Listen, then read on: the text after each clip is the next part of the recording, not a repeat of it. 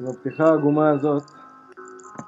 כן, כן, בחירות 2016 ארצות הברית. אני חושב שגם, שאני חושב שגם בהתאם למוזיקה הזאת קצת איבדו מה... איבדו מהמומנטום.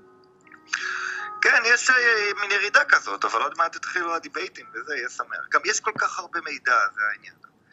כל יום יש כאילו שניים שלושה לכלוכים חדשים על מישהו מהם, שכאילו במצב נורמלי זה היה כאילו עניין. אבל בגלל... אין לאף אחד כוח לזה כבר. כי בדיוק, זאת אומרת, זה הפך להיות כזה שגרתי וכזה נמשך, זאת אומרת, אוקיי, תמיד המרוצים לנשיאות הם, הם ארוכים נורא, הם מתחילים שנתיים לפני, והפריימריז, וכל הדברים האלה בסדר, אבל פה זה כאילו... אתה, אתה כבר לא יכול לזעזע, אתה כבר אתה לא יכול לחדש. לא, זה כבר לא, אתה יודע, כל מיני ידיעות, אתה יודע, הילרי קיבלה כסף כדי לכבוש את עיראק. אתה יודע, כן. בסדר, נו, מתאים לה. טראמפ, אה, אתה יודע, העסיק אה, 30 אה, עובדים לא חוקיים במחסן שלו, סגר אותם שם מ-87 עד 90. בסדר, זה היה טראמפ של פעם. לא אכפת לנו מכלום כבר. נכון, נכון. אז לכן אני אומר, אז מה עוד יכול לשנות את המרוץ הזה? תראה, הוא משתנה, משתנה, כי טראמפ, ככל שעובר הזמן זה טוב לו, באופן כללי. אני חושב, אה, אוקיי, אני לא מסכים עם זה, אבל אני חושב שלהפך, אבל לא, תן את הנקודה שלך. אני מדבר ככל שהזמן, אם פשוט השעון מתקתק, כאילו, ולא קורה כלום, זה טוב לו.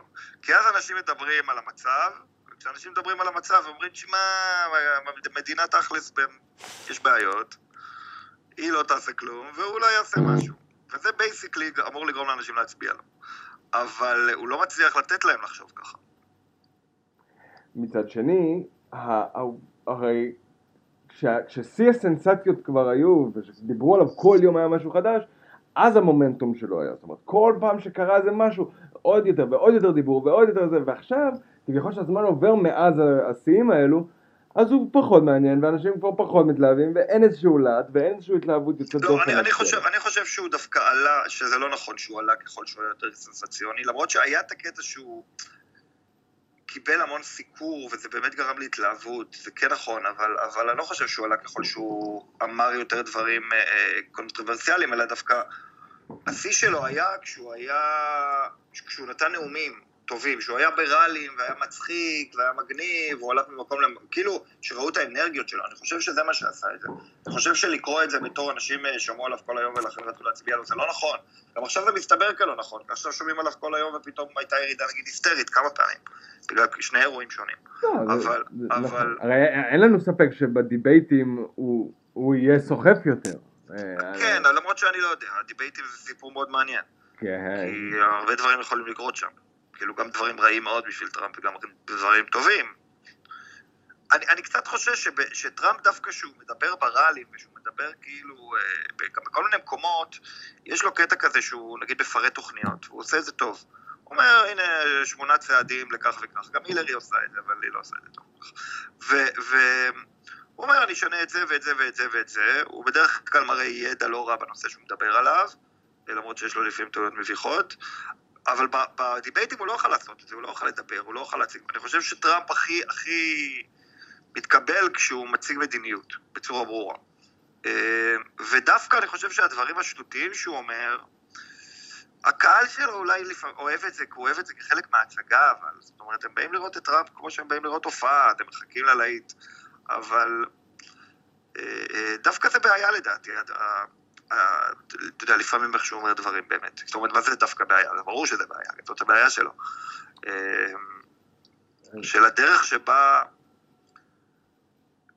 כאילו, אני לא מדבר, אם להרחיק את זה ממדיניות, המשפטים שהוא אומר, אתה מבין מה אני אומר? זאת אומרת, המדיניות שלו לא כל כך שערורייתית, כמו המשפטים עצמם. ולכן אני אומר, הרטוריקה שלו באה לידי ביטוי הכי טוב כשיש לו פתאום את, ה, את הראלי הזה, את השעה הזאת, והוא מתחיל, והוא מתגבר, והוא מוסיף, וזה, ו, ובעצם בדיבייטים זה קצת הפוך, זאת אומרת, יהיה לו 30 שניות לתשובה. הוא לא יכול... למרות שדווקא מה שקורה בזמן האחרון בראלים שלו, זה שהוא... הרי הראלים הכי גדולים שלו היה שהוא היה מגיע עם פתק, הוא היה מראה פתק קטן, היה כתוב שם ארבע מילים, ועל זה הוא היה עושה שעה ועשרים. ואני חושב שאנשים מאוד אהבו את זה. זה מה שאנשים באמת אהבו, והוא הפסיק לעשות את זה, הוא התחיל לעשות את הפרומטר, שאני מבין למה לגמרי, כי הוא... ככה זה, כי נראה לי של שעה ועשרים, כל מה שנשאר זה איזה משפט שהוא אמר, וזה נורא. בדיוק. וב debateים הוא חוזר ללהיות בלי prompter, אלא עם נכון. הפתקים, נכון. ודווקא את זה אני אוהב. אבל it could go either way, אתה מבין? כאילו מצד אחד הוא יהיה... הוא יענה לה, הוא יגיד דברים, הוא, הוא ישאל שאלות שהוא לא מוכן אליהן, היא תשאל אותו, כאילו, יכולים לקרות דברים מפתיעים. ומצד שני, המועמדת השנייה, ממשיכה בקו הזה של, של basically לא לעשות כלום. ו- ואפילו ההזדמנויות האלו שלה, שיש לה ל- ל- ל- לטרוף אותו קצת, על, כי, כי בשבועות האחרונים היה לו his share of פדיחות נקרא לזה. זאת אומרת, כן, אבל פשוט גם לה היה הרבה פדיחות. אבל אני חושב שדיון הפדיחות הוא לא כל כך טוב, כי אם, כאילו אם עושים טבלה קרה של הפדיחות, יש לה בעיות הרבה יותר גדולות בעצם, רק שהבעיות שלו הן בעיות אישיות, זאת אומרת אולי הן בעיות יותר גדולות, אבל גם- הבעיות שלה הן גדולות. אבל גם אצלה זה בעיות אישיות, או מייחסים את זה לאישיות. אבל זה לא רק אישיות, זה בעיות חוק, חוקיות, זה יותר מאישיות. זאת אומרת, זה אישיות, אבל זה אישיות, זה אישיות ברמה של, אתה יודע, בתור secretary of state, נתנה עדיפות לאנשים כאלה ואחרים, או קיבלה כסף ממקומות כאלה ואחרים, כל מה שקשור ל foundation, כל מה שקשור לאימיילים, להתנהלות. אני לא מדבר על פרשת האימייל הלא חוקי, אלא... לא, לא, אני יודע, אבל, אבל, אבל זה... אה, כל הדיבור במפלגה הדמוקרטית, כל איך שמדברים שם, כל החשיפות, החשיפות, אתה יודע, אה, ויקיליקס מ- מהעיתונים, כל זה גורם לה להיראות מאוד רע. אבל אתה לא חושב שזה מתאזן בדיוק מול ה... זאת אומרת, הסנס... העובדה שהיא, יש לה קרנות כאלו, ואז היא בטח היא תהיה מחויבת לתורמים ולא לאנשים, זה... זה ברמה אחרת, כי זה אין, אין. ש... אין שאלות אמיתיות לגביו שנוגעות להאם הוא ינהל בצורה ישרה. אני, יש שאלות בטח כלליות. שיש, כי הוא מעורב, הוא מעורב. במשפטים ובשחית- ו- ו- ובפשיטות רגל ובכל מיני החלטות מבוקות, כן, ולא אבל. פשיטות אז רגל זה חדשות ישנות וזה לא משפיע. בסדר גמור. פשיטות רגל נתפסות בתור חלק מ... חלק מהחיים שלו כאיש עסקים, וזה בסדר, ודווקא אפילו מעריכים את הקטע של, אה, אתה יודע, אבל- נופל וקם, אבל- לפעמים אבל- מצליח, לפעמים לא. אבל היא פוליטיקאית אולי נקרא לזה, אה, למרות שאני שונא את הביטוי הזה, פוליטיקאית מהסוג הישן, אבל שפועלת במגבלות החוק שקיימות כבר 30 שנה, גם עם ה super PAC וגם עם, ה... עם הדברים האחרים, זאת אומרת, זה, זה על הכיפאק שזה נראה רע, אבל כולם עושים את זה, עכשיו זה שהוא בא כן, אבל כביכול בגלל ה foundation בעיקר, ובגלל, אה, יודע, עצם זה שהיא מהקלינטונים, אז, אז היא נתפסת כמרכז של השיטה הזאת, לא כמישהי שהיא חלק מהשיטה הזאת, אלא, אלא נחשב, תבין, ה foundation זה שכלול של השיטה הזאת, וככה זה נתפס לפחות. אני זה לא, מה- אני לא, אני לא יודע, לא בטוח. אני חושב שזה אותו דבר, ואני לא חושב שמישהו, עכשיו זה מה שמבליטים, ובמיוחד כשהמועמד מהצד השני אומר, אני אין לי כסף מאף אחד, אז אני לא מחויב, אז זה כאילו בולט הרבה יותר, אבל, אבל, אבל כמון, it's the same shit אצל כולם, זה לא, הבעיה היא לא במועמדת הזאת שמגייסת כספים בצורה כזאת, כולם כבר 20, 30, 40 שנה מגייסים כספים בצורות כאלו. כן. אבל, אבל תחשוב איך זה עובד על הקטע של, של האנשים, זאת אומרת, נגיד שאומרים, אה, אה, התורמים שלה של ה foundation אה, משפיעים על ההחלטות שלה וימשיכו להש, להשפיע על ההחלטות שלה שהיא תהיה נשיאה. זאת אומרת, אה, אה, אתה יודע, כמו שטראמפ אומר, זה יותר חשוב לאינטרס של העשיר הסעודי או הסיני או הרוסי, מאשר האינטרס של האמריקאים. אבל, אבל, ו- אבל, אבל, כן. כמובן שזה סוג של קשקוש, אבל, אבל, אבל זה נכון שהדבר הזה משפיע על איך היא תתפקד כנשיאה. ואז כאילו אתה, במובן המפחיד אתה אומר, אגב אני לא מאמין שזה באמת ישפיע, אבל ברור שזה, זאת אומרת אולי זה כן, אבל מבחינתי זה לא כל כך משמעותי, אבל ברור שלאנשים של ברני סנדרס ולכל מיני אנשים באופן כללי, זה בא להם לא טוב, גם אם זה תמיד היה ככה, זהו, אבל זה בדיוק עכשיו זה. ידוע, ולאנשים, עכשיו לטראמפ אין את העניין הזה כל כך. כביכול. העניין, העניין זה עניין אחר, העניין הוא, נגיד, ממה טראמפ מודאגים? למה שהוא לא יצא למלחמה כמישהו העליב אותו? עכשיו, אין שום דבר בקמפיין לא, לא. לא, זה, זה. למה? כי זה קצת הגזמה, זה לא... אני לא חושב שאנשים... החשש המהותי הוא לא אם טראמפ יתעצבן יום אחד על אה, זה שהוא קרא לו בלונדיני, אז הוא יצא אז מה, אז למלחמה. מה החשש המהותי לגבי טראמפ? שא' ש- שהוא... לא, כן, כן לגבי הפזיזות שלו לגבי, לא לגבי ההחלטה אם לצאת למלחמה או לא, אבל באופן כללי, זה העובדה שהוא... הפזיזות שהוא- שלו. אבל מה זה הפזיזות שלו? שאתה שמדבר על נשיא ארצות הברית פזיז, מה הפחד? לדעתי זה ברור הכרת- שזה הכפתור האדום, בסדר. למקום של אה, מלחמה או מלחמות פנימיות. אתה יודע, הוא יקים, אה, ינסה לעצור הגירה בלתי חוקית, וזה יגרום להרבה בלאגן, והוא יתעצבן מהבלאגן ויגיב ביד קשה, וזה יגרום לבלאגן. כן. כאילו, כל מיני דברים כאלה, ששוב, אם אתה מסתכל נגיד על המצב בהרבה מאוד אופנים בארצות הברית, אז זה קצת מצחיק לפחד מזה, כי זה כבר המצב. כן, בטח עם אה, הרבה מאוד, Black Life Matters והמשטרה וכל מה שקורה, זה לא משנה מה עושים, זה לא נראה טוב.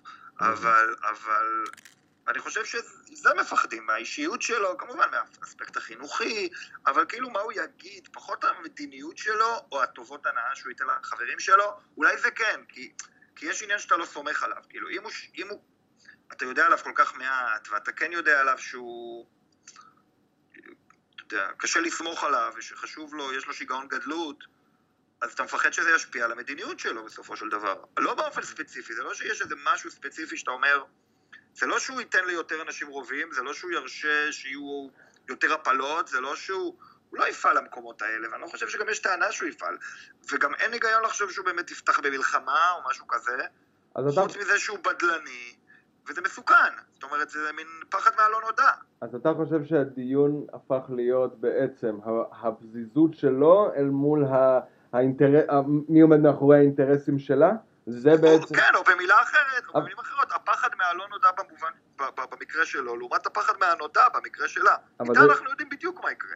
אה, לא, מה זה אנחנו מה זה בדיוק? אתה לא יודע איך היא תגיב לכל דבר ספציפי, אבל אתה יודע בגדול. היא תעלה מהגרים, אבל תעשה את זה במידה מסוימת, אה, היא תהיה... אה, אתה יודע, נראה לי שכאילו די ברור איך היא תהיה. היא תהיה... לא, אני מסכים. זאת אומרת... אני מסכים שמה ש... תמשיך את אובמה, אבל בלי המהפכנות. בלי ללכת עד הסוף. נכון. בלי לעשות, אה, ללכת לקיצון של זה. אה, אני, אני מסכים, אני מסכים שמה שמשחק לטובתו זה הלא נודע, זאת אומרת, הוא... אני, אבל, אני לא יודע אם זה משחק לטובתו. זהו, אני בדיוק, לא בטוח שזה משחק לטובתו, נכון. הוא מנסה לתאר את זה כאילו הוא יודע בדיוק מה הוא יעשה. אבל איך, הוא לא יודע איך זה יסתבך. זאת אומרת, זה שהוא יבוא נגיד לסינים ויגיד, חבר'ה, אנחנו צריכים... אה, לעשות את זה אחרת, כי אנחנו פראיירים שלכם, אז אוקיי, הוא צודק בשלב הראשון שאנחנו פראיירים שלכם, אבל למה זה יגרור? אה, זה, זה העניין, של כאילו איזשהו משבר מול סין, לך תדע לאן זה הוביל. או הרצון שלו להתקרב לרוסיה, אה, אה, אתה לא יודע אם זה יצא טוב או רע. עכשיו איכשהו עם אובמה, גם עם אותה, אתה יודע, אובמה דיבר על הרצון שלו להתקרב באיזשהו מקום לצפון קוריאה אפילו. כן. ו- ו- ובמקרה שלו איכשהו לא פחדו. אמרו, טוב, אז הוא ינסה להתקרב, מה כבר יקרה? וזה נכון, הוא הלך. אבל זה היה, זה היה יותר, נכון, אבל זה היה הרבה יותר... יש לזה השפעה. זה היה הרבה יותר גם, זה היה הרבה יותר גם בקדנציה השנייה. זאת אומרת, הוא לא, לא, לא עשה את הדברים האלה בקדנציה... כשהוא נבחר והלך למצרים אבל זה היה בקדנציה השנייה. המצרים, לא בדיוק. כן. הקהיר הוא הלך בתחילת הקדנציה השנייה. וזה, וזה כבר בדיוק היה העניין, הוא כבר לא היה לו מה, בנקודה הזאת לא היה לו מה להפסיד, הוא כבר לא ירוץ פעם שנייה, פעם שלישית, הוא, הוא כאילו פתר עניינים פנימיים, זאת אומרת בקדנציה הראשונה זה הכל היה לגבי ה-health care, התוכנית הזאת, הוא גמר את זה, התחיל את הקדנציה, ואז אמר אוקיי בסדר, מה זה, עכשיו אני לא, לכן אני אומר, אני חושב שהרי האמריקאים קודם כל, האזרח האמריקאי כרגע הרבה פחות מעניין אותו רוסיה והרבה פחות מעניין אותו סין, מעניין אותו הכלכלה מן הסתם, ומעניין אותו המצב בפנים, ומעניין אותו המצב הפנימי. אבל ו... לדעתי כן, במובן של טראמפ לדעתי הם מפחדים במובן הזה. אומרת, לפחות, ה, בוא נגיד, האליטות מפחדים מזה. אבל בסדר. מנאטו, סוג של פירוק נאטו, כל המבנה העולמי, לשנות את כל המבנה העולמי של איך זה עובד, כי הוא אומר, השיטה לא פועלת בשבילנו. כן. אה, אה, ויש פה ויכוח עמוק, האם השיטה עובדת בשבילם, זאת אומרת, זה שהם אה, במצב לא כזה טוב כמו שהיו יכולים להיות, יכול להיות שהמצב יכול להיות עוד הרבה יותר גרוע. אה, לא יודע, והנאום של אובמה היה בתחילת הקדנציה הראשונה, ביוני 2009. של מה, של קהיר? קהיר, כן. כן, כן. אני מתנצל. אני הייתי כן, בטוח כן. שזה הפוך לגמרי. לא, הוא נבחר ועשה את זה, ככה גם זכרתי, בגלל זה הסתכלתי. הוא נבחר ועשה את זה, הוא גם קיבל את הפרס נובל לשלום, זה היה בקדנציה הראשונה, זה היה שהיינו באוניברסיטה, מייק. כל המרצים דיברו בצחוק על זה שלא מגיע לו. שצחקו עליו. כן. זה היה מזמן, אבל, אבל אה, בסופו של דבר, נגיד אתה מסתכל על זה, אז תראה, כולנו, מה זה, לא יודע כולנו, אבל אני נגיד נורא תמכתי בזה, וזה היה לדעתי אקט מדהים. לא, אבל האמריקאים לא אהבו. אבל זה לא הצליח. לא, זאת אומרת, אבל... נראה לי שזה לא הצליח. אבל אתה רואה שזה גם לא פגע בו בקדנציה השנייה. אה, לא, תראה, יש את כל העניין להסכם עם איראן. זאת אומרת, ההסכם עם איראן זה סוף המסלול שהוא התחיל באוניברסיטת קהיר. ההסכם עם איראן לדעתי לא מעניין את האזרח האמריקאי בשום אופן, זה מעניין רק את היהודים ששם, וגם זה חלק מאוד קטן מהם. ש, אבל ש... מעניין אותם העיקרון של ההסכם עם איראן. דווקא בתוך הראלים הרפובליקניים, אה, לפי מה שאני מבין, הם דווקא מאוד תופסים מההסכם עם איראן, זאת אומרת, את הבעייתיות של זה, וכן מאוד אכפת לאנשים, שזה נורא מצחיק, אבל נורא אכפת לאנשים בארצות הברית הקטע הזה של המשמעות כלפי ישראל. Mm. זאת אומרת, ההסתכלות על ההסכם עם איראן כהסכם שהורס את ישראל, אה, אה, הרעיון הזה של אובמה הוא חבר של האויבים שלנו ואויב של החברים שלנו. אה, זה עובד, אני חושב. עכשיו, הילרי, אני חושב, לא תהיה אותו דבר. אבל היא גם לא תגיד שהיא לא תהיה אותו דבר. היא, היא קצת, בגלל זה היא לא עושה כלום. היא אומרת, אני אהיה כמו אובמה, אבל אני לא אהיה כמו אובמה. אני כאילו... משהו לא ברור כזה. אבל, אבל... טוב, בוא, בוא נגיד, ביחס לישראל, אין, הילרי קלינטון זה יהיה סטטוס קוו מוחלט. כן, ברור. היא לא תעשה שום דבר. גם אין לה אינטרס לדבר על זה בכלל, ברור. כן, כן, אז אין לה אינטרס לדבר. אבל גם הוא לא מדבר על ישראל. כמה שהיא מדברת זה שהיא מדיניות, התוכנית שלה לא ברורה לגבי כלום. יש לה כאילו מדיניות סדורה. נכון. אז זה לא שהיא לא ברורה, אלא שהיא לא... אין בה שינוי, אין בה שום צורה של שינוי. היא אומרת, נשפר את זה. זאת אומרת, כל התמה שלה זה היה מצוין עם אובמה, היה טוב סך הכל. אנחנו בכיוון הנכון, צריכים להמשיך באותו כיוון. ללכת נגיד לכלי נשק, למרות שגם אובמה מדבר על זה הרבה יותר ממנה. היא לא תעשה כלום לגבי זה. היא לא תעשה, בעצם, בעצם אין, אין שום הבטחת בחירות של הילרי, שאני מכיר. חוץ מ... אני יקדם, ימשיך לקדם נשים, נשים, ימשיך לקדם נשים. שחורים, נכון. ימשיך לקדם שלום עולמי, נכון. ימשיך לקדם... אז ברור שזה מסר לא מלהיב. זאת אומרת, נכון. בגלל זה אני אומר, גם אני חוזר אליך למה שאמרתי בהתחלה, שלדעתי דווקא הוא היה מנצח בקלות אם לא היה פה עניין אישיות. אני כי- מסכים, כי ברור שהוא שלו, הוא מנהל קמפיין הרבה יותר טוב, אומר, נכון. המצב לא טוב, אנחנו רוצים שינוי, היא אומרת המצב טוב, זה מצב קלאסי שבו האופוזיציה אמורה לנצח. אה, כי אנשים לא מרוצים, גם מצד שמאל, גם מצד אה, אה, הקהילה השחורה, הרבה אנשים לא מרוצים. נכון. והיא לא מייצגת באמת המשך ישיר של אובמה, אה, מה- מהבחינה הזאת. היא לא מהפכנית, עוד פעם. אה, בגלל זה אני חושב שיכול להיות שהוא ינצח, למרות כל מה שכולם אומרים. ואני גם חושב שהוא, שהוא בסקרים קצת חוזר, אבל זה באמת עוד קשה לדעת. אה, הוא עדיין בפיגור בכל המדינות החשובות, אבל לדעתי יש זמן, ואם הוא לא יעשה טעויות גדולות, ואם הדיבייטים, שהדיבייטים מתחילים עוד מעט כבר, מה הסיכוי שהוא לא יעשה טעויות גדולות? אה, השאלה היא גם מה הם טעויות גדולות, כן? לפעמים יש דברים שהוא אומר, שהוא הוא לא רואה אותם כטעויות גדולות ברור, אולי. ברור. אבל, אבל... אמ, תראה, הוא יודע, מההתחלה יש, אני, אני דווקא, מה, נגיד, אתה יודע מה, בוא נדבר על העניין הזה של, ה, של הפליטים. נכון השבוע הוא כאילו שינה את עמדתו לגבי הפליטים? כולם מדברים על זה. אוקיי. הוא עשה שינוי כאילו 180 מעלות. ובכל התקשורת, כל הזמן אני שומע, התקשורת האמריקאית, אני כל הזמן שומע כאילו, הוא כל הזמן אמר שהוא יגרש 11 מיליון פליטים, ובאמת אגב מה שהוא עושה השבוע זה די מביך, הוא אומר כאילו לא, וכן ולא, הוא כאילו, כאילו בכל ראיון ובכל נאום הוא מדבר על זה קצת אחרת. אבל מה שבטוח זה שאני, אני לא יודע, אני עקבתי אחריו למשך כל התהליך הזה של הבחירות הרפובליקניות, הוא אף פעם לא דיבר על גירוש 11 מיליון פליטים, לא בצורה ברורה. הוא אף פעם לא אמר את זה כמספר, בגלל זה אגב שעושים Mm. סינקים שלו מדבר על זה, לא, יש כאילו שאלו אותו, אבל הוא גם, נגיד, אבל האם גם, אתה חושב ש, שהפליטים יצטרכו, כל הפליטים יצטרכו ללכת? אז נגיד פעם אחת היה, הוא אמר they will have to go, they will have to go, but come back. נכון, אבל אז, אבל, מההתחלה הוא היה די לא ברור אבל. אבל בכוונה, הוא גם, Humanically, they humanically have to go, but they have to come back. אבל הוא גם, לא אמר, לא אמר שלא, וזה בדיוק העניין, הוא, לא, הוא לא רוצה להיות קיצוני לשום כיוון. אז- או, אז- אבל אני אומר שהרבה פעמים בתקשורת הוא מוצג כאילו כל המדיניות שלו הייתה בוא נגרש את ה-11 נכון, נכון, אבל זה לא שיחק מדויק. לטובתו. אבל זה הטון, שלו, זה- וזה לא בדיוק מה שהוא אמר. זה, זה ממש לא, אני מסכים, אני, עוד פעם, אני, אני חושב שהוא, הרי הוא מנהל קמפיין, והוא קיבל החלטה אסטרטגית. כל דבר שהוא יגיד יהיה סנסנציוני.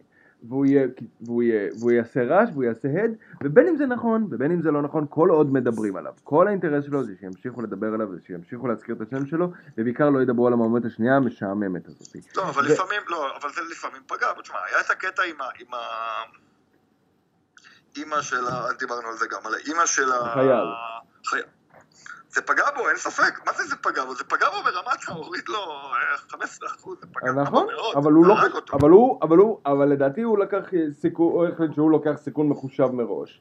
וגם אם הוא יפגע בכמה אנשים, וגם אם הוא יעליב כמה אנשים, זה שווה לו, כי עדיין מדברים עליו, והוא יכול לתקן את זה, והוא יכול לקחת שזה לא היה כן, ככה. אבל תראה, יש. שינוי, היה את הקטע שהוא כאילו התנצל, למרות שזו הייתה התנצלות כזאת. כלום, זה התנצלות. זה גם קשקוש, זהו, זה לא באמת התנצלות, זה לא... נכון, נכון, אבל כן יש איזה עניין אני חושב שהוא כן הבין את הקטע הזה של on message וכל העניין הזה. אני גם מאמין ביכולת שלו ללמוד את זה, קצת נראה לי מאוחר מדי. אבל זה קצת מאוחר, זה קצת מאוחר. מצד שני, שוב, לדעתי, כמו שאמרתי לך בתחילת השיחה, אם ה... ככל שאנשים יחשבו על זה באופן כללי, בגלל זה אני אומר, ככל שהזמן עובר ולא קורה כלום, זה טוב לו. כי אז אנשים מדברים. וכשאנשים מדברים, הם קולטים שהם בעצם פסימיים לגבי מה יקרה אם הילרי תיבחר. אין אופטימיות גדולה שם, אין שמחה שם. נכון, אין שמחה שם. אבל אין חשש כמו שיש אה, במקרה שלו. נכון, אבל תראה, גם כשאובמה נבחר היה חשש. אובמה, נכון. אגב, באמת אה, הנשיא האמריקאי אולי הכי קיצוני שנבחר, לא יודע, בעשרות שנים האחרונות, מבחינת העמדות שלו. נכון. הכי רחוקות מהקונצנזוס. נכון, נכון, נכון. מאוד רחוקות מהקונצנזוס, אפילו במקרה מסוים. אבל, והוא אבל, נבחר כי הוא אבל, הוא הביא אבל, שינוי, כמובן זה לא אותו סוג של לא, שינוי. אבל כן. הוא נבחר גם כי לא היה, עזוב שהוא בסדר, הוא, הוא יוצא דופן, אבל לא היה ספק בנוגע ל, לאופי שלו, לתהליך קבלת ההחלטות שלו, לצור, לתפקידים שהוא מילא. ליושרה שלו. נכון, לכל הדברים האלה, אז, אז נכון, אז, אז, אז יכול להיות שהוא הסוציאליסט הגדול, או הזה, זאת אומרת שככה תקפו אותו, אבל אוקיי, זה הכי הכי קיצוני שהיה, פה אתה מדבר על בן אדם שיכול איתו יום אחד ול- ולמחוק אה, חצי כדור הארץ, עם, אה, תיאורטית, וכאילו זה כנראה, והאמת היא שאני לא חשבתי שזה עד כדי כך משחק אה, אצל האזרח האמריקאי, אבל, אבל אולי כן, זאת אומרת, אולי הוא רואה את הבן אדם, אז הוא אומר בסדר. תראה, הוא מדבר קרוב- הרבה, אני חושב שגם הוא, זה, זה די מרשים שהוא, אתה יודע, היה לפני כמה חודשים את הנאום שלו, ב- מה זה, היה, באייפאק, על, על, על, ה- על ישראל, על מדיניות חוץ. אוקיי. אני חושב שהוא, גם כשהוא עושה נאום על מדיניות חוץ, וגם כשהוא עושה נאום על מדיניות כלכלה, אני חושב שזה נאומים טובים, הוא, הוא, הוא זאת אומרת, אה, שם הוא לא נתפס כמישהו שאומר טעויות או אומר שטויות, שהוא מדבר, תלוי על ידי מי, כן, אבל שוב, לדעתי על ידי מה שנקרא האמצע, אלה שזה חשוב לשכנע אותם, אה, הוא אומר, תראה, המלחמה בעיראק הייתה טעות, וגרמנו למשבר פליטים, ועכשיו כדי לכסות על המשבר פליטים אנחנו רוצים אה, אה, להביא פליטים לפה, ויהיה פה סוס טרויאני. שאני חושב שזה זה עמדות חזקות, אבל שוב, איך שהוא אומר אותם, הוא חייב להעליב. הוא, הוא לא יכול... זאת אומרת, איך שהוא לא מצליח להגיד משהו כמו, תראה, יכול להיות שטרוריסטים ייכנסו לתוך הפליטים מסוריה, אין לנו דרך טובה לוודא אה, שלא. במקום להגיד את זה, הוא אומר, אין לנו מושג מי הם. באים אה, עשרות, עשרות אלפי אנשים, ואנחנו לא יודעים מי הם, הם יכולים להיות כל אחד, וזה מעליב. כן. איך הוא מצליח לפספס את להגיד את זה בלי להעליב? זאת אומרת, יש לו נקודה שם. אה, הוא אומר, תראה מה קרה באירופה, אבל, אבל, שוב, במקום להגיד, תראה מה קרה לאירופה, תראה את הגרמנים, איך הם קיבלו וזה, הוא אומר את זה, אבל הוא אומר את זה, שוב, ב- ב- לא בצורה רגישה. וכל דבר הוא אומר לו, נגיד שהוא מדבר עם השחורים, כן? זה נכון. נגיד קטע נורא מצחיק. שהוא מדבר עם השחורים ואומר להם, המצב אה, שלכם לא טוב, תצביעו לי. כן. עכשיו, הוא מצליח לעשות את זה עד כדי כך מעליב, שהוא אומר הוא- כאילו, מה- כי הוא מעורר מה יש לכם. להפסיד? נכון. אתם יורים בכם ברחוב. נכון, כאילו, נכון. המצב שלכם? חרא, אז תצביעו לי. למה- אובמה בחיים לא היה אומר כזה דבר. ברור, ברור. יורים. בכם ברחוב, מה נכון. יש לכם להפסיד? נכון. אבל הוא מנסה, והוא לא מצליח. וזה מצטרף גם לעובדה שהוא הוא מפטר את כל המנהלי קמפיין שלי. של זה- לידו. זה זה דווקא, זה דווקא אבל- אני לא מתרגש. זה... דווקא אני לא מתרגש, כי מה בסך הכל? הוא- פיטר את הראשון ברגע שהוא גמר את החלק של המפלגה. שזה בסדר, זה נתפס כטקטיקה, לדעתי זה זה פשוט טקטיקה. אבל אני לא- היה לו אחד. אבל אנשים לא רגילים שזה קורה. אם ניצחת... ברמה הלאומית, כדי לה- לה- לעשות שינוי. אבל, אני, אבל, אבל תחשוב על הבן אדם ש, ש, שחושב על זה, אתה, אתה מפטר, אם ניצחת קמפיין, או ניצחת את החלק הראשון של הקמפיין, אתה מפטר את הבן אדם שעזר לך לנצח, אני לא חושב שזה שערורייתי. לא, אני אני לא לא מדבר- אני לא על שערורייתי. אני מדבר על איך אגב, איך מה זה גם- מה נתפס. גם שכן, הבן אדם שהוא פיטר, הולך ומדבר בעדו בכל מקום. לא משנה, עזוב, זה לא מקטין. את הבלואו, כן? כן, זה לא באמת נקודה, כי האקט עצמו של השינוי אומר, אוקיי, הוא בלחץ, הוא לא יודע מה הוא עושה, הוא מעיף אנשים שם על ימין ועל שמאל, הוא- זה זה סתם. עכשיו, כן, אבל לדעתי זה יותר... זה דווקא, זה דווקא לדעתי משהו שמנסים לצייר עליו שהוא לא, שהוא לא כל כך נכון. כי בסופו של דבר הוא אומר, אני עובד עם צוות קטן, שזה נכון, וזה באמת טוב. כן? לנו אין אימיילים שערורייתיים, כי אנחנו צוות נורא קטן. זה זה גם- שעובד עם צוות קטן, אבל זה גם. ומדי פעם מחליף מישהו, יש בזה משהו יותר קוסם מאשר הצוות העצום והמלא כסף ומלא אבל אף אנשים אחד לא חושב שאין שם צוות עצום עם מלא כסף. כמה, תשמע, אני לא יודע, כמה, אין שם צוות עצום עם מלא כסף, כמה- כולם יודעים. יש כמה- שם נגיד 70 ומשהו עובדים או משהו כזה. כמה, כמה כסף עד עכשיו טראמפ השקיע בקמפיין שלו? מושג? כמעט כלום. מה זה כלום? כמעט כלום. הוא הוציא השבוע פרסומת ארצית ראשונה. היא כבר מוציאה פרסומות ארציות כבר כמעט כלום. כמעט כלום. המספרים הם כמעט כלום. הוא הוציא כלום כמעט על פרסומות. שוב, גם יש עניין שבאופן עקרוני, אחד מהדברים שאומרים זה שיכול להיות שיש איזה דברים שאנחנו לא יודעים, כי אולי הוא ישתמש בעסקים שלו איכשהו, אבל, אבל המספרים מדברים, זאת אומרת, העובדות מדברות. אין פרסומות שהיה, שהוא, שהוא התמודד ב, במפלגה הרפובליקנית בפלורידה, שהיה את הפריימריז הרפובליקני, הושקעו עשרות מיליונים בקמפיינים נגדו. קמפיינים לא רק בעד רוביו וקרוז, אלא רק נגדו. זאת אומרת, עשירי המפלגה שמו הרבה כסף בקמפיינים נגדו. ואומרים שזה, שאין פה ספק בכלל, ש, שכל תושבי פלורידה ראו שהיה לך פרסומות בטלוויזיה כל הזמן נגד טראמפ, נגד טראמפ, נגד טראמפ, ופעם היה לך איזה משהו בעדו. אבל אין ספק שיש לו צוות יותר קטן, אין כן. ספק שהטוויטר זה הכלי שלו, הרעיונות זה הכלי שלו, זה שהוא מדבר חמש פעמים ביום זה הכלי שלו. בעיקרון זה כלים ש... זה מאוד מושך, הוא, הוא, הוא, מתקשר באופן כמעט בלתי אמצעי, והוא אומר, מה אני צריך לעשות איזה קמפיין עד משוגע שעולה מיליונים? אני אעלה להתראיין בפוקס, וזה הכל, והוא ב-CNN. הוא מדבר כל היום עם כולם. ב-NBC ולא משנה מי. זאת אומרת שזה גם מצחיק, הוא מלכלך על הרשתות ומתראיין אצלם כל הזמן. תראה, הוא, הוא, אמנם הוא הוציא הרבה פחות מהילרי, אבל הוא הוציא עד היום 100 מיליון דולר. בסדר, הרבה פחות מהילרי, כמה היא הוציאה? לקראת מיליארד? אה, לא, אני חושב לדעתי, לדעתי בערך, כן. כן, אתה חושב שזה... הרי, הרי כל תחילת הקמפיין דיברו על זה גם, ש, שטראמפ צריך לפחות מיליארד כדי לרוץ לנשיאות, כאילו יש כל מיני אמיתות כאלה בארצות הברית, והוא די ערער אותן. ובאמת, היה, הוא התחיל לאסוף כסף, נגיד עד, עד שהוא ניצח את המפלגה הרפובליקנית, לא היה לו דונרס בכלל משמעותיים, בכלל לא. בכלל לא. אחרי שהוא ניצח, אז הוא פתאום עשה את החבירה הזאת עם ה-NRA, ובאמת לקח כסף משלדון וכל מיני אנשים כאלה. שאגב, מדברים זה שזה עוד יגיע. שזה עוד יגיע. שהוא ניצח. לפני שהוא ניצח, כן. לא, היו, לו, לא היה לו גב. כן. לא היה לו גב. הוא, הוא, הוא, הוא, אמר, אה, הוא אמר שהוא מממן את עצמו, ונראה שזה פחות או יותר האמת. לא, זו שאלה הוא כמה... מימן את רגע, עצמו. רגע. לא, אז בסדר. אבל פה, אז המאה מיליון האלה זה כסף אנחנו יודעים שהוא גייס והוציא. לך תדע אבל כמה הוא הוציא מההון שלו. היא רשום שהיא הוציאה שלו 400 מיליון דולר. 430. כן, אבל, זה, אבל אין, אין פרסומות של טראמפ, אין שלטי חוצות של טראמפ, אין, אין, אין את הדברים האלה כל כך. כן. שוב, לאט לאט יהיה יותר. גם עכשיו יש יותר, הם, הם אומרים, אנחנו מבינים שאנחנו צריכים לעשות את זה. אבל אין ספק שלהילרי יש יתרון עצום. כל הזמן אומרים את זה, הילרי יודעת למפות את השכונות, הקמפיין שלה יודע בדיוק מי בעד ומי נגד, ומה השכונות, ומה, אתה יודע, ואיפה להשפיע ואיפה לא, והוא, אין לו מושג באמת. הוא פשוט מדבר בטלוויזיה, ואתה יודע, זה כאילו כמו שהוא אמר, היה נגיד, אה, אתה יודע, הוא היה נגיד אה, בניו-המפשיר, היה פריימריז. אתה יודע, הוא מספר את זה, אבל לדעתי זה סיפור שדווקא די מייצג, ולדעתי גם באמת בצורה די נאמנה את, את הרוח של הקמפיין שלו. הוא אמר, אמרו לי שבניו-המפשיר כדי לזכות חייבים ללכת לחוגי בית. זה המסורת הפוליטית של ניו-המפשיר. והוא החליט לא לעשות חוגי בית. הוא אומר, לדעתי זה מוזר, מה, טראמפ יבוא אליך לסלון? כן, כאילו, גם צוחק על זה. כן. עכשיו, הוא, הוא באמת ניצח את ניו-המפשיר, והוא כאילו פעל לא לפי החוקים, הוא אמר, אני פשוט אדבר בטלוויזיה, אני אעשה איזה ראלי.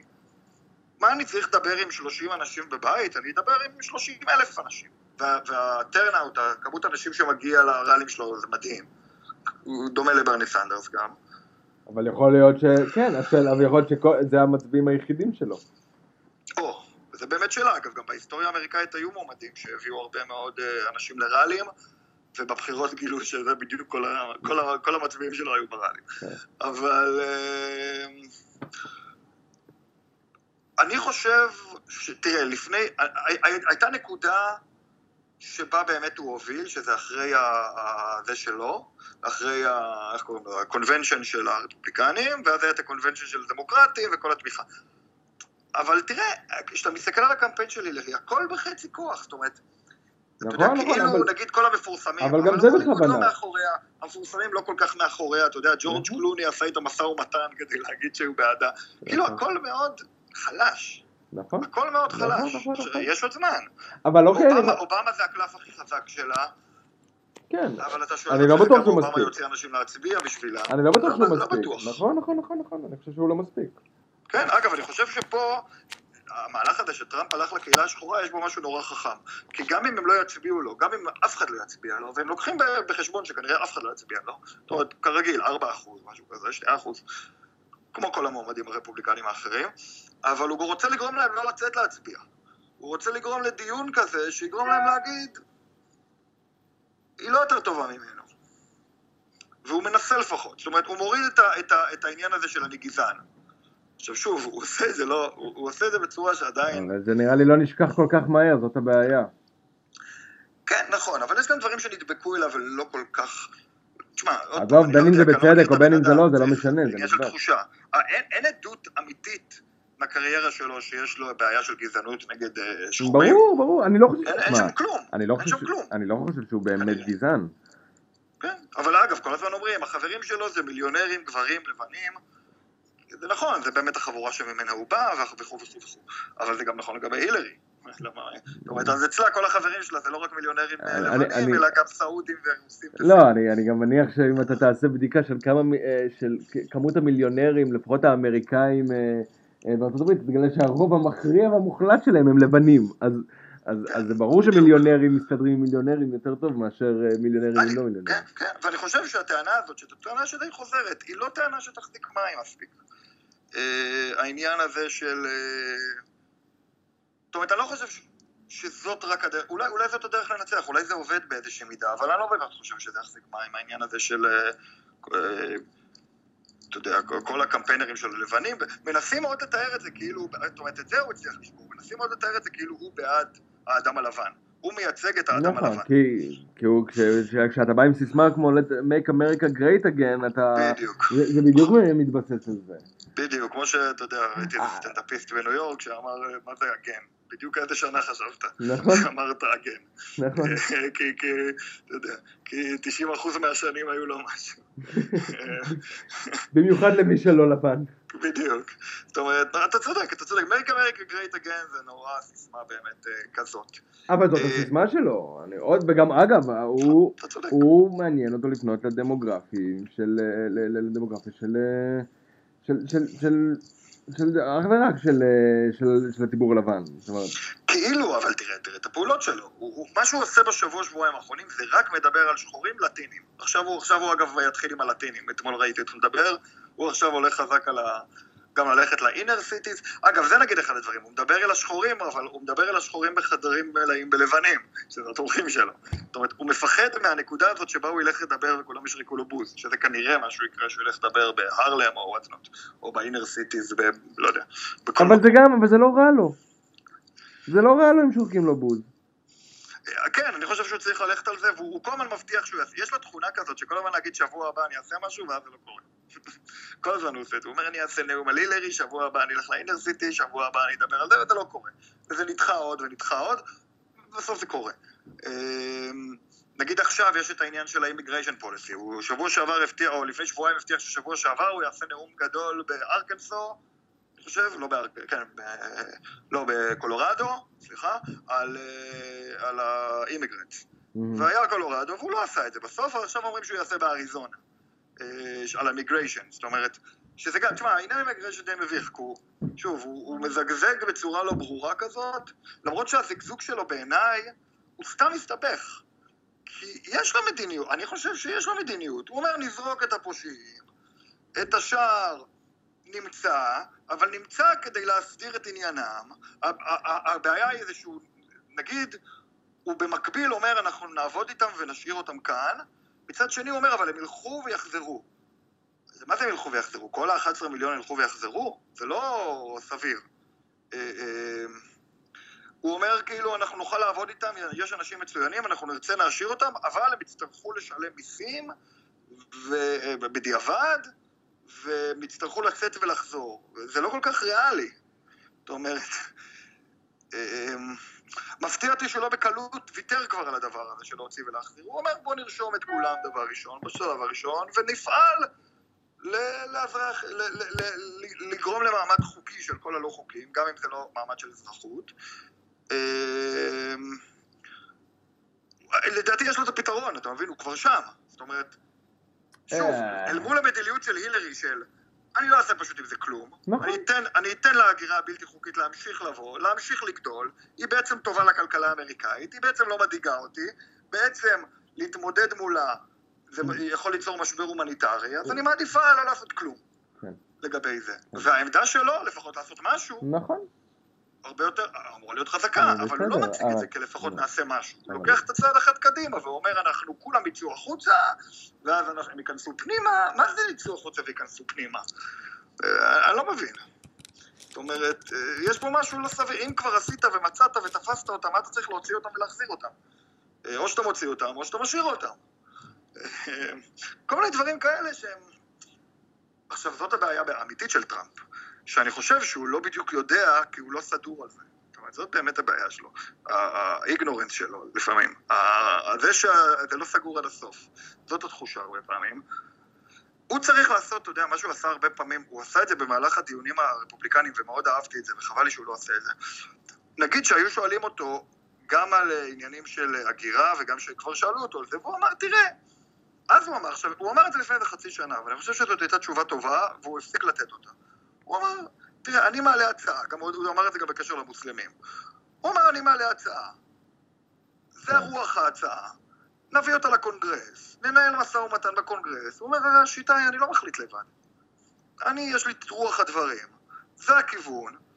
נביא את זה לקונגרס, נעשה משא ומתן עם ראשי הקהילה, ונראה מה הדרך הכי טובה שנצליח לעשות את זה. אבל אז, אז שהוא אומר, לא יבואו מוסלמים, מה זה משנה אם הוא מתכוון אף מוסלמי, זאת אומרת, כמובן שזה משנה, כן? אבל הוא אומר כאילו אף מוסלמי לא יבוא, כמובן שזה לא אף מוסלמי לא יבוא, הוא כבר אמר, אלה שלומדים באוניברסיטאות כן יבואו, ואלה שמאזורים כאלה וכאלה כן יבואו, ולמעשה זה רק מסוריה לא יבואו, ואז אומרים לא יבואו, הוא אומר, זה לא לא יבואו, זה אקסטרים וטינג. אבל, אבל, אבל זה בדיוק, אבל תשמע, זה בדיוק העניין שבזמן מרוץ הנשיאות, בזמן פריימריז, אתה אומר דברים אה, כי הבחירה היא לא בחירה של אוקיי, איך הקונגרס ייראה כשאתה תהיה הנשיא, זה איך אתה בתור הנשיא. לכולם ברור מה התהליך שעובד, לכולם ברור שיש את האיזונים והבלמים, וכולם ברור שהנשיא לא מחליט הכל. זאת אומרת, הוא מחליט הכל, אבל, אבל יש כאלה שיעצרו אותו. יפה, אז לדעתי הוא צריך לתאר את עצמו בתור, מה זה אני לא מחליט? מצד אחד הוא כן מחליט הכל, זה דווקא עובד לטובתו, שהוא אומר אני חושב לבד, שזה בסדר. את המדיניות שלי, אני, אני אתייעץ עם הרבה אנשים, ואגבש את המדיניות שלי עם עצמי. אבל זה לא עושה את זה, זה לא, הוא לא עושה אותו מיוחד יותר. מדיניות, עד הרגע שאני מיישם מדיניות, יש תהליך. והוא מכיר בתהליך הזה, אבל הוא נותן לפעמים את התחושה כאילו הוא לא מכיר בתהליך הזה. כאילו הוא אומר, זאת אומרת, יש דברים אגב שזה חזק בהם, נגיד הוא אומר, אתה יודע, אחד הדברים, הוא אומר, ארה"ב רצתה כבר לבנות חומה. למעשה התקבלה החלטה לבנות חומה. אבל אז הם לא הצליחו לעשות את זה, בגלל ההתנגדות מארגוני אה, איכות סביבה וכל מיני דברים כאלה, והוא אומר, אני אצליח, זה בסדר. הוא אומר, כאילו, אני אעשה עוד מאמץ. גם אם זה קשה, אז אני, אתה יודע, כמו שאובמה יצטרך להתגבר על מכשולים בשביל ההלסקר שלו, אז הוא יצטרך להתגבר על מכשולים, הוא יתגבר עליהם. ובדברים מסוימים כן. אבל בדברים הרגישים שנוגעים לקהילה, זאת אומרת, הרבה פעמים אני מרגיש שהוא כבר היה במקום הנכון וזז משם. זאת אומרת שאם הוא היה בוחר את התשובה הנכונה שלו ורץ איתה, התשובה אולי... הטובה יותר שלה, הוא היה מצליח. אז אולי זה אומר שהוא לא המועמד, אה, הוא לא המועמד הכי טוב. אולי עצם אי, אי האמירה... זה מראה משהו על החוסר... הרצינות שלו, על החוסר לא, אמינות שלו. הוא לא יודע, הוא מזגזג לכל הכיוון, הוא מנסה הכל. הוא... הוא לא רוצה לפגוע באלה, באלה שהצביעו לו, מצד שני הוא לא רוצה... הוא מנסה לעשות משהו בלתי אפשרי. כי הוא הגיע למצב שהוא הוא, הוא הצליח הרבה מעבר למה שהוא ציפה. ו- כן, והוא, זה נכון. והוא לא, לא- עכשיו הוא בנקודה, כאילו, הוא לא יודע, אני, לא, אני לא בטוח שהוא יודע מה הוא עושה, אבל אני חושב שזה עד כדי כך, אתה יודע מה, זה כמו שהוא, אני גם רואה בכל ה- בראלים שלו, איך שהוא מדבר. עכשיו הוא הרי מדבר מאוד בעד הקהילה השחורה, מאוד בעד מהגרים מסוג מסוים, אה, אה, גם אם הם לא חוקיים, הוא אומר לא צריך לזרוק אותם, אתה יודע, היה איזה קטע השבוע שהוא ממש שואל את הקהל, מי בעד ומי נגד, כן? זה, זה כאילו חמוד, אבל... זה אבל- ליצני, אבל מה, ש, מה שבאמת הוא חושף כאן במי בעד ומי נגד הזה, הוא, אולי הוא עושה את זה פשוט לאט ובהדרגה. כי לדעתי הציבור הרפובליקני הזה, זאת אומרת, יש שני ציבורים רפובליקנים, יש את הממסד שלהם לא אכפת מענייני ההגירה והדברים האלה, הם רק רוצים שהוא יהיה שפוי, ויש את האלה שהצביעו לו בגלל זה. אבל לדעתי אלה שהצביעו לו בגלל זה, גם אם הוא יגיד להם, תראו, אני יורד מהקטע של all all Muslims, אה, להשעות את כל המוסלמים מלהיכנס למדינה, אני יורד מזה, אבל משאיר את רוח הדברים של בוא נהיה חשדנים, במובן של כמה שאנחנו רוצים לתת לאנשים להיכנס, אנחנו לא יכולים לעשות את זה בלי הפסקה. אנחנו צריכים לבדוק מי אנחנו מכניסים, וצריכים לבדוק האם זה פוגע אבל- בביטחון, אבל אתה לא יכול גם וגם. נעלה אנשים רק אם זה בוודאות לא פוגע בביטחון שלנו בצורה קריטית. נו בסדר, אבל, אבל זה ברור, אבל הוא לא עושה את זה. זאת אומרת, הוא, הוא, הוא, הוא, הוא יכול היה לעשות את זה, הוא כבר, לדעתי מה שאני גם רוצה להגיד זה שאם הוא היה עושה את זה, הציבור כאילו שמאוכזב שטראמפ הוא כבר פחות, אה, אתה יודע, פחות ארס מפעם, פחות אלים מפעם, הם עדיין יצביעו לו. זאת אומרת, אני לא חושב שיש שום דבר שהוא יכול להגיד שיגרום לקהילה ההארדקור שלו, אלה שאפילו לא, ההארדקור לא, שלו, לא ברור. הצביעו במערכות בחירות אפילו, זה ברור, הקהילה, אלה שהוא הביא לבחירות פעם ראשונה בחיים שלהם, את האנשים האלה, הם יצביעו לו לא משנה מה הוא יעשה. גם אם הוא עכשיו, אתה יודע, ילך לקהיר ויתחבק שם עם זה, הם עדיין יצביעו לו. הוא קלינטון. אצלו בכיס, זה ברור. זה אצלו, אבל הוא מתנהג לפעמים כאילו הם לא אצלו בכיס, הוא עדיין מנסה לרצות אותם. כי אני חושב שאגב, זה כשאמרת מקודם, שהוא, שהוא התחיל לשאול את הקהל, הוא יכול להיות שהוא באמת מנסה לשאול אותם, גם אולי הם ייתנו לו את. התשובה, אני חושב שהוא לא יודע כל הוא כך. מתייחס לזה ככה גם, הוא מתייחס לזה ככה. הוא אמר, כמה ממי שיושבים היום רוצים שנגרש, הוא אומר בוא נעשה זה, הוא אומר כמה ממי שיושבים כאן היום, היה שם באמת הרבה מאוד אנשים, הוא אומר "ת- תענו אה, אה, אחד ושתיים, אחד זה לזרוק את כל המהגרים הבלתי חוקיים, ש- שתיים זה לזרוק את הלא חוקיים, ועם החוקיים לעבוד יחד איתם אה, כדי להסדיר את המעמד שלהם. עכשיו, תענו לי לאחד, תענו לי הוא, היו כמה, והיה בעיקר איזה אחד שצעק, ואז הוא דיבר אליו ישירות, הוא אומר, אתה רואה? בוא עכשיו תשמע שתיים, ואז שתיים ענו, והם- והוא אומר, אתה רואה? אפילו בחדר פה של הרפובליקנים אתה מיעוט. אני חושב, אני חושב שהוא זאת מתחיל, אומרת, כאילו יש בזה משהו יפה. אולי, אבל אולי, יש אבל, בזה משהו או, גם... או שהוא, מתחיל להבין שהוא, קפץ מעל הפופיק, הוא לא באמת רוצה להיות נשיא, ועכשיו הוא קצת מנסה לחבל בעצמו כדי להפסיד, אבל, אבל בלי להגיד שהוא הפסיד. כן, זה תיאוריה, אבל אני לא אני מאמין לא, לזה. נו, אני לא מאמין לזה. כי לא, אני גם לא מאמין לזה. הוא, הוא עשה מספיק, והוא הוא מתראיין כל הזמן, והוא עובד בלי הפסקה, הוא כותב כל הזמן. אבל כן, יכול להיות שיש בזה משהו במובן שהוא לא יודע באמת איך מצד אחד להיות נשיא, מצד אחד להיות... תשמע, זה באמת מאוד קשה, אף אחד מאיתנו לא יודע מה לעשות במצב ברור, הזה, ברור, במובן של ברור. איך אתה מצד אחד מתנהג כמו שכולם רוצים, ומצד אחד נשאר נאמן לעצמך. אבל הוא מנסה לעשות גם וגם וגם וגם וגם. נכון. וזה נורא בעייתי. אמ, וזה, וזה קצת, וזה גם די מסכם אותו, זה די מעמיד את הבן אדם. נכון, מצד ואנחנו- שני, מצד שני יש את הצד השני של זה. בעצם מה שהוא עושה, זה גורם לנו להמשיך להתעניין בו. זאת אומרת, כי זה מעניין, כי אתה לא יודע מה הוא הולך להגיד, עכשיו זה כאילו נורא. אבל הנה, אתה רוצה לדעת מה הוא אומר הערב, אתה רוצה לדעת מה הוא אומר מחר, כי אתה רוצה לדעת אם הוא ייפול, אם הוא לא ייפול, וזה באמת מחזיר אותנו ממש לנקודה הראשונה שדיברנו עליה, שמדברים עליו. בדיוק. אה, אמ, אבל לדעתי זה, שוב, זה לא כל כך טוב לו. לדעתי הוא צריך לגרום למצב, זאת ה... זאת ה- ש- שקצת יפסיקו לדבר על ההתבטאויות שלו, שישיג מדיניות, שוב, שהוא, שהוא מציג את הצעדים, לדעתי, אם כל הקמפיין שלו רק היה כזה, עשרה דברים שאני אעשה בשביל הגירה, עשרה דברים שאני אעשה בשביל הכלכלה, עשרה דברים שאני אעשה בשביל, אה, לא משנה, gun control או second amendment, כל מה שקשור לזה, תציג משהו ברור. נגיד למה ב gun control הוא לא מציג איזה מדיניות ברורה של, אתה יודע, כי זה לא טוב לו, כי זה לא טוב לו. ברשימת המיועדים לטרור.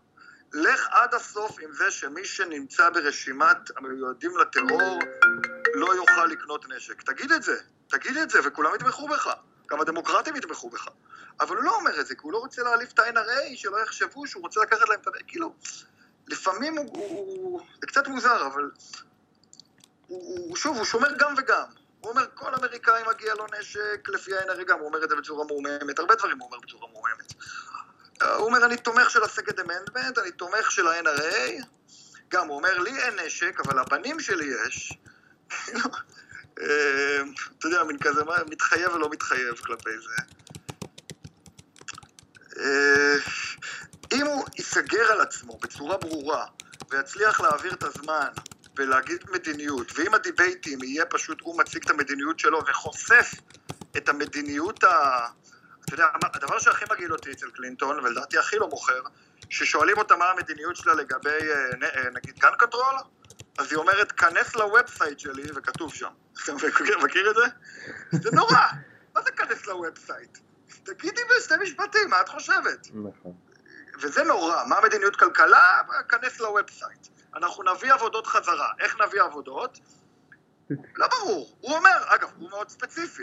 הוא אומר, כל חברה שתעזוב את ארצות הברית תשלם כך וכך קנס. כל חברה שתפעל מחו"ל ותמכר לארצות הברית, יהיה לה 35% מס. אבל הוא אומר את זה כן. אם קרייר עוברים משיקגו למקסיקו, המזגנים שיחזרו לארצות הברית יחזרו במיסים. דברים שהם נורא ברורים. גם אגב, אם ההשפעה של זה תהיה לא טובה כמובן על האזרח וכו' וכו', אבל לפחות זאת עמדה. זאת עמדה ברורה. וזה עובד העמדה הזאת. אבל הוא משום מה, הוא יותר מפחד, הוא, הוא, הוא, נהיה, הוא נהיה קצת פחדן. כמה שהוא מדבר כאילו במילים קשות, הוא לא רוצה להתחייב על שום דבר. בסדר, בצדק. מה זה אבל, אבל זה עדיף, כן, כשימצא, לדעתי אם הוא ימצא דרך, יגיד את הדברים כמו שהם, שוב, בסוף היום זה או הוא או היא, והיא מציגה אה, משהו, משהו חלש כזה, משהו חסר חזון. אה, שוב, יכול להיות שגם לה יש אה, פעלולים, כן? יכול להיות שגם היא, היא גם לאחרונה מראה סימנים שמתחילה קצת לעשות את זה. אה, אבל, אבל זה חלש, זה חלש. השאלה אם זה יתרכז בחודשיים האחרונים. כן, מעניין מה יהיה. תשמע, יש עוד הרבה זמן, יש עוד מספיק זמן. בשורה התחתונה, לא יודע, אתה חושב שיש לו סיכוי או שאין לו סיכוי? אני חושב באופן עקרוני ומתחילת הדרך שאין לו סיכוי. למה? אני, כי אני חושב שהוא, שהוא הוא, הוא, הוא קוריוז, אני חושב שהקטע ימצא את עצמו וכשבן אדם יעמוד בפני ההחלטה להצביע לו או לא, יגיד אוקיי נו זה לא רציני. מה שכן, מה שהדבר היחיד אותו בטוב זה שיש מולו מתמודדת ש, שנראה כאילו הוא עושה הכל כדי להפסיד, או לחילופין לא באמת יודעת לנהל קמפיין. ו... ו... לדעתי אם הוא יצליח, ובדיוק מה שאמרת עכשיו זאת הבעיה שלו, ולדעתי להציג מדיניות ברורה וסדורה לשם שינוי, זה בדיוק מה שמתקן את זה. כי גם אני חושב שהוא לא רציני, ואני חושב שהוא לא רציני כי אני רואה אותו. תשמע, הוא עשה ראלי, איך שהוא ירד מהראלי, שודר ראיון שלו עם אה, הנטי בפוקס. אומנם שאתה יודע, צולם מראש בטח יום-יומיים, אבל אתה רואה אותו בפער של חמש דקות אחד מהשני, הוא אומר דברים אחרים לגמרי. אתה אומר, טוב, זה לא רציני. אה, הוא, הוא חייב להפסיק לעשות את זה. כי היא לא עושה את זה, לפחות היא לא עושה את זה, היא חוזרת על אותם משפטים חלולים כל הזמן. אה, לפחות אגב היא הפסיקה להגיד, היה לה את המשפט הזה שתחילת הקמפיין, אחרי שהוא אמר, we're gonna build a wall. breaking down barriers. אז היא אומרת, we're not gonna build walls, we're gonna build bridges and break down barriers. נו באמת. נו בסדר, אבל, אבל, אבל זה מה שמנצח בארצות הברית, הסיסמאות מנצחות. כן, אגב, אם תתארי את התהליך, זה בסדר, אגב, זה לא משפט כל כך רע, אם אחריו יש איזה תיאור מדויק של מה זה אומר. אם יש משהו מאחוריו. אבל אין שם תיאור של מה זה אומר, אנחנו נמשיך כמו שאנחנו. אבל המצב של הקהילה השחורה בארצות הברית הלך אחורה. כן, זה לא נכון. אתה יודע, מין כזה, מין התעלמות מזה כזה. זה לא נכון, אבל היא לא עד הסוף אובמה, היא לא עד הסוף, היא לא עד הסוף כלום. לא עד הסוף כלום. לא יודע, אני, אני חושב, אתה, אתה די חושב שאין סיכוי, אתה תמיד, מההתחלה אתה חושב שאין לו סיכוי. אני חושב שאפילו אתה קצת מופתע שהיום הפער זה איזה 6% ולא איזה 15% אם אני לא טועה, לא? בגדול, נכון, נכון, נכון, אין ספק שאני, אבל עוד פעם, אני מופתע לאורך כל הדרך. יכול להיות אגב שהפער הריאלי הוא 15% ולא 6%, למרות שהסקרים מראים כאילו זה 6%. כן, כן. אני חושב שהוא בדרך אה, לחזור. אני חושב, אני, אני חושב, אני חושב שהוא, שהוא בהחלט יכול לנצח, בהחלט יכול לנצח. זה אנחנו נמשיך ונראה בקרוב, זה נראה בקרוב. כן, כן. אז נראה לי שבאווירה אופטימית זו... כן, כן, צריך להמשיך לראות מה זה. תשמע, בטח מחר תהיה עוד שערורייה ונעשה עוד שיחה על כמה שכאילו, אתה יודע. כמה שהוא נפל. והנה שהשיג, עכשיו אני רואה, יש עכשיו פוקס פתוח כמובן, אז אה, הוא, הוא תוקף את התקשורת כל הזמן, די כבר, די, נו, הבנו את המסר. אה, אנשים אוהבים את זה. טוב, אתה יודע מה, אולי, אולי יש אנשים חדשים שנכנסים למעגל רק בחודשים האלה, שעד עכשיו לא התעניינו, ופתאום עכשיו מגלים אותו, אבל לא נראה לי. הוא הביא לכזה עניין שאנשים שלא מתעניינים בפוליטיקה כבר יודעים טוב מאוד מה הוא אמר. אה, שזה אגב הוא עשה שהוא דבר מדהים, כן, הוא לדעתי הוא קירב אנשים שלא מתעניינים בפוליטיקה לפוליטיקה. בין אם הם בעדו או נגדו, או חשדנים, או סתם מתעניינים, או סתם צוחקים. כן. אה, זה הישג ענק בעיניי, אתה מסכים, אני חושב. אה, אני חושב שזו התעניינות אסנציאליסטית, קצת פופוליסטית, הרבה יותר מהתעניינות אמיתית. לא, אבל מה שאני מתכוון להגיד זה שבהיסטוריה, אני חושב, הפוליטית של זה, הדיבייטים זה באמת ההזדמנות של האמריקאים לשבת ולהכיר את המועמדים. ואני חושב שאיכשהו, למרות שקלינטון, יש לה ותק של 30 שנה, וכולם מכירים מה היא עשתה, איכשהו היא יותר סימן שאלה ממנו. נכון, נכון, נכון. נכון. יודעים, יודעים נכון, מה הוא מייצג, יודעים נכון, מה הוא, השאלה היא מה הוא יגיד. נכון, נכון, כי הוא פתוח עד הסוף. השאלה איך הוא יטעה ומה הוא יגיד ואת מי הוא יתקוף. אה, מה שמדהים זה שהוא עד כדי כך הוא מפחד, זה שהוא מדבר בראלים עכשיו עם פרומטר, עכשיו אתה רואה שאסור לו להגיד כלום. כן. יש לו בדיחה, הוא לא אומר אותה. הוא אשכרה לא אומר אותה. היה איזה קטע שהיה לו disturbers, אתה יודע, תמיד שיש אנשים שמפריעים לו בראלים, אז הוא היה מדבר איתם קצת. והוא היה, דווקא לדעתי זה היה חמוד, הוא היה כזה מין עושה get him out, ואז הוא אמר שהשוטרים אומר, אבל כי זה נותן, כי זה נותן דלק, נכון. תראו את השוטרים, איזה נחמדים השוטרים, תראו איך הם מובילים אותם, יורדים יותר מדי על השוטרים, אנחנו אוהבים את השוטרים שלנו. כי זה נותן דלק, זה נותן דלק לכל כלי תקשורת מסכן, לפמפם את זה ולייצר לו את נגטיב, נכון. ועכשיו הוא לא צריך את זה.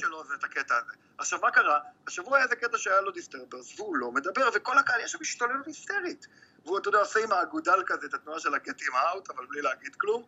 הרבה יותר אהבתי שהוא אמר, חבר'ה, בואו נירגע, אנחנו נחמדים, אומרים עלינו שאנחנו אלימים, אבל אנחנו לא אלימים. זה היה נחמד, הוא הפסיק עם זה. כי הוא כל כך מפחדים שהוא יגיד את הדבר הלא נכון. בגלל הסיפור של, כן, כן, עם הסיפור של התינוק, עם הסיפור של התינוק, הרי זה כולה הייתה בדיחה, זה לא היה, אף אחד לא חושב שהוא... בדיוק, בדיוק, הסיפור של התינוק. שהוא רוצה להרוג איזה... תעיפו ממני את התינוק, כן, כן, נכון, אבל הנה, הם צריכים לנטרל את זה. בסדר קרפל, אנחנו, אה, אנחנו נמשיך. אני, אני אקדיש להם שיר אה, לאחד, לשני המועמדים, כי אחד מהם זה ייגמר ככה בסוף שהם, אה, כן, לא כן. יצליחו, אז אתה יודע. אגב, אגב, אני, אני אסיים במשפט שהוא אמר לדיסטרבר האחרון, בכל זאת הוא התקדם למיקרופון והיה משפט אחד שהיה די מצחיק, הוא אמר, יותר אהבתי את ה disturber של ברני סנדרס, הם היו יותר נחמדים. ואני בטוח שהוא קיבל בראש על זה שהוא אמר את זה. יאללה קרפל. מצחיק. טוב יאללה נדבר. כן. יאללה ביי.